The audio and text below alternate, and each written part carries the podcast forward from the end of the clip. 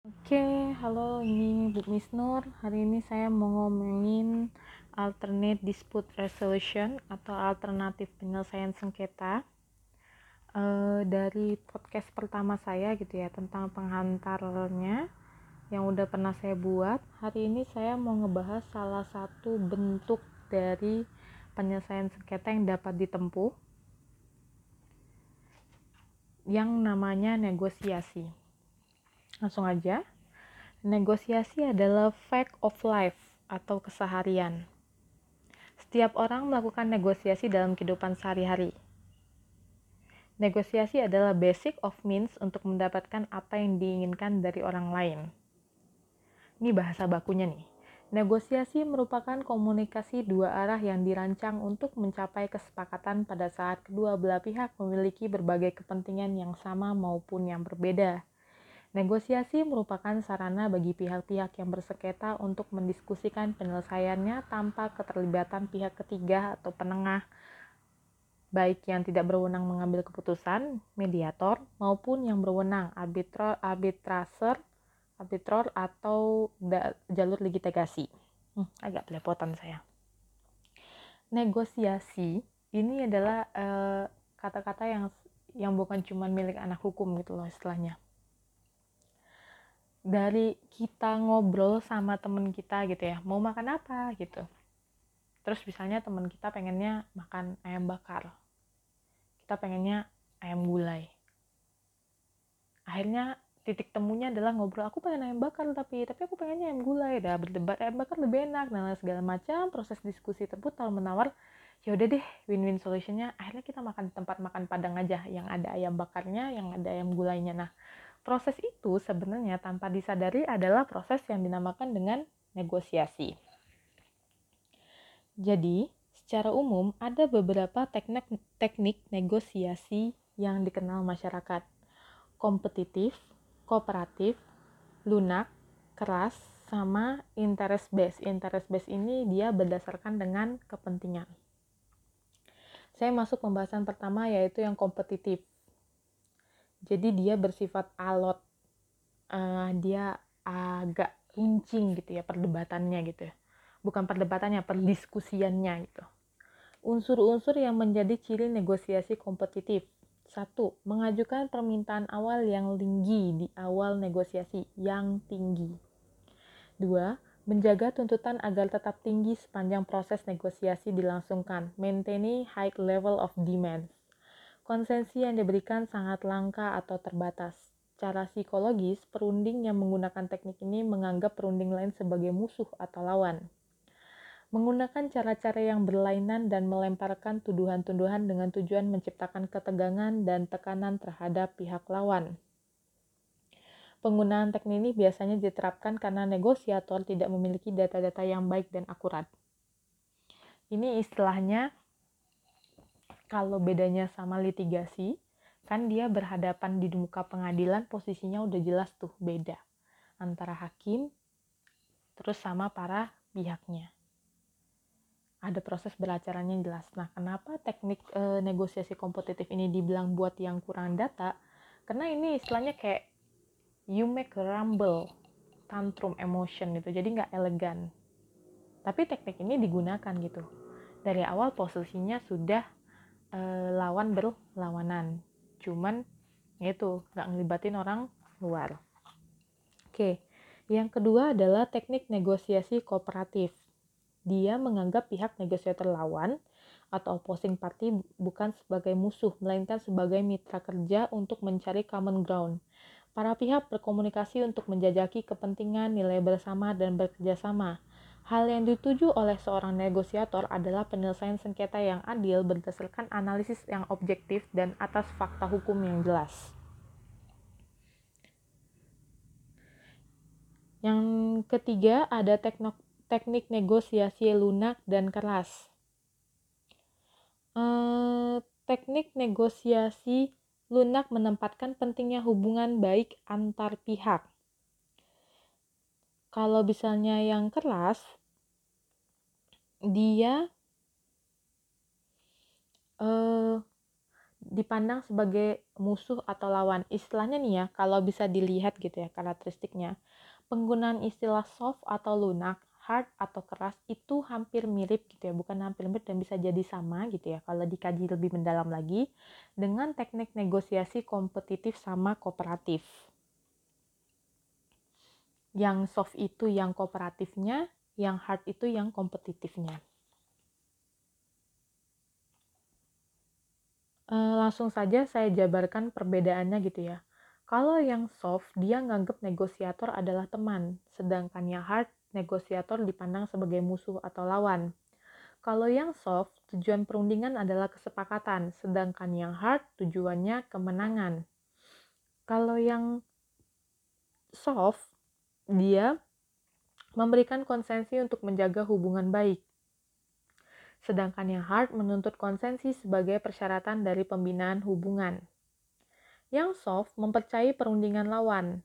Yang hard dia eh, eh, nggak uh, uh, ada celah gitu. Intinya dia keras, dia nggak mau tahu gitu terhadap orang maupun masalahnya.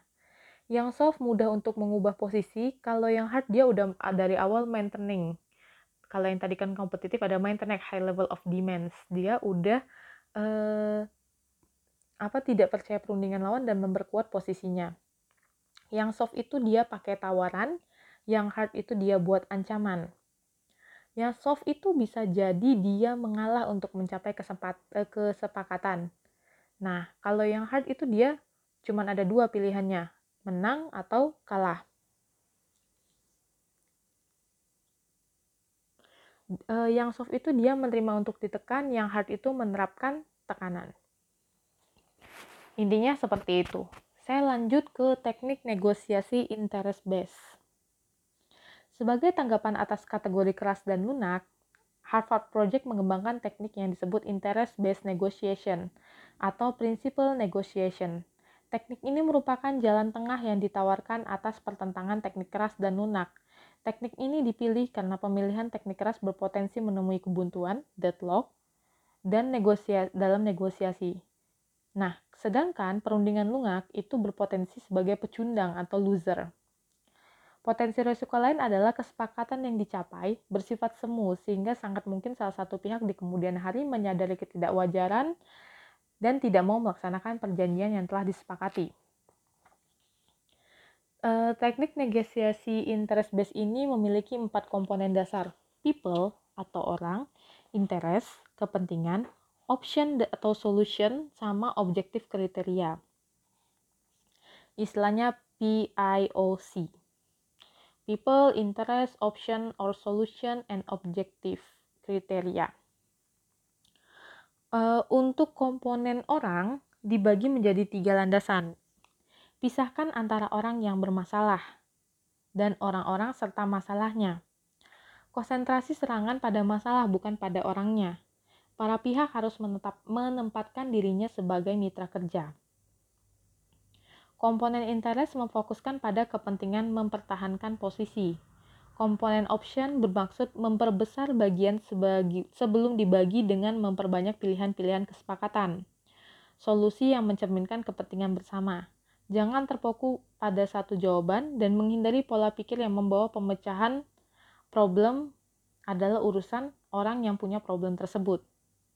Untuk kriteria, kesepakatan kriteria atau standar eh, standar objektif dan independen pemecahan masalah, bernilai pasar market value, presiden, scientific judgment, standar profesi, bersandar pada hukum dan kebiasaan dalam masyarakat. Jadi, eh, dia itu ada posisi tawar-menawar di dalamnya. Yang dilihat itu fokusnya adalah isunya itu adalah masalahnya. Nah, saya lanjut tahap-tahap dalam proses negosiasi. Howard Raifa dalam pengamatannya membagi tahap negosiasi menjadi satu, tahap persiapan, dua, tahap tawaran awal atau opening gambit, tiga, tahap pemberian konsesi, dan empat, tahapan akhir permainan, end play dalam tahap persiapan ini dia apa yang kita butuhkan dan kita inginkan. Di sini kita mengumpulkan data. Dengan kata lain, kenali dulu kepentingan kita, baru kenali kepentingan orang lain. Apa? Dan kita juga udah harus mulai melihat uh, alternatif-alternatif uh, apa yang bisa diambil atau yang uh, bakal dicapai. Ini istilahnya BATNA, Best Alternative to a Negotiate Agreement. Nah, yang kedua setelah kita know yourself gitu ya, kita tahu siapa kita, apa kepentingan kita, apa alternatif-alternatif yang bisa ambil. Kedua, know your adversaries. Kita perlu memperkirakan tentang kepentingan dan kebutuhan alternatif pihak lain. Baru selanjutnya kita bisa merencanakan hal yang berkaitan dengan negotiation convention, kesepakatan dalam negosiasi. Seperti strategi tentang seberapa terbukanya informasi yang harus atau dapat kita berikan. Dalam tahap persiapan ini kita juga menentukan hal-hal yang bersifat logistik. Siapa yang harus bertindak sebagai perunding, perlukah menyewa perunding yang memiliki keterampilan khusus, di mana dilaksanakan, kalau misalnya dia internasional bahasanya apa. Jadi Howard Raffia menyarankan agar dalam tahap perencanaan juga dilaksanakan simulasi, simulated role playing. Setelah tahap persiapan itu ada tahap tawaran awal, opening gambit. Biasanya seorang perunding mempersiapkan strategi tentang hal-hal yang berkaitan dengan pertanyaan siapakah yang harus terlebih dahulu menyampaikan tawaran. Apabila kita menyampaikan tawaran awal dan perunding lawan tidak siap, ill prepared, terdapat kemungkinan tawaran pembuka kita mempengaruhi persepsi tentang reservation price dari perunding. Dalam tahap ini disarankan agar kita mengunci diri dan merasa buntu terhadap tawaran perundingan lawan yang sifatnya ekstrim. Strategi yang baik bila menghadapi tawaran ekstrim adalah menghentikan negosiasi sampai mereka memodifikasi tawaran atau segera melakukan kontra tawaran atau counter offer. Jadi dalam artian kalau misalnya dirasa uh, tawarannya not make sense gitu, di sini disuruh defense, diem gimana sampai akhirnya caranya pihak lawan memikirkan kembali oh kita perlu ngatur ulang nih gitu Apabila terdapat dua tawaran yang diajukan dalam perundingan, biasanya midpoint, titik tengah antara kedua tawaran tersebut merupakan solusi atau kesepakatan. Agar tercapai solusi yang memuaskan, sebelum midpoint dijadikan kesepakatan, hendaknya kita bandingkan dengan level aspiration atau batna kita. Batna tadi yang di tahapan persiapan, best alternative to a negotiate agreement.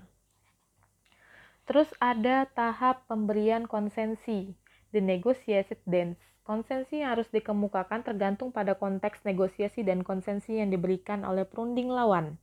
Dalam tahap ini, seorang perunding harus dengan tepat melakukan kalkulasi tentang agresivitas serta harus bersikap manipulatif agresivitas kita sangat tergantung atas berbagai faktor, uh, faktor seperti seberapa jauh kita menjaga hubungan baik, empati kita, fairness kita, dan yang lebih penting kemampuan negosiator memainkan peran dan konsensi dan menjaga penawaran sampai tingkat yang diinginkan. Tahap akhir permainan, end play.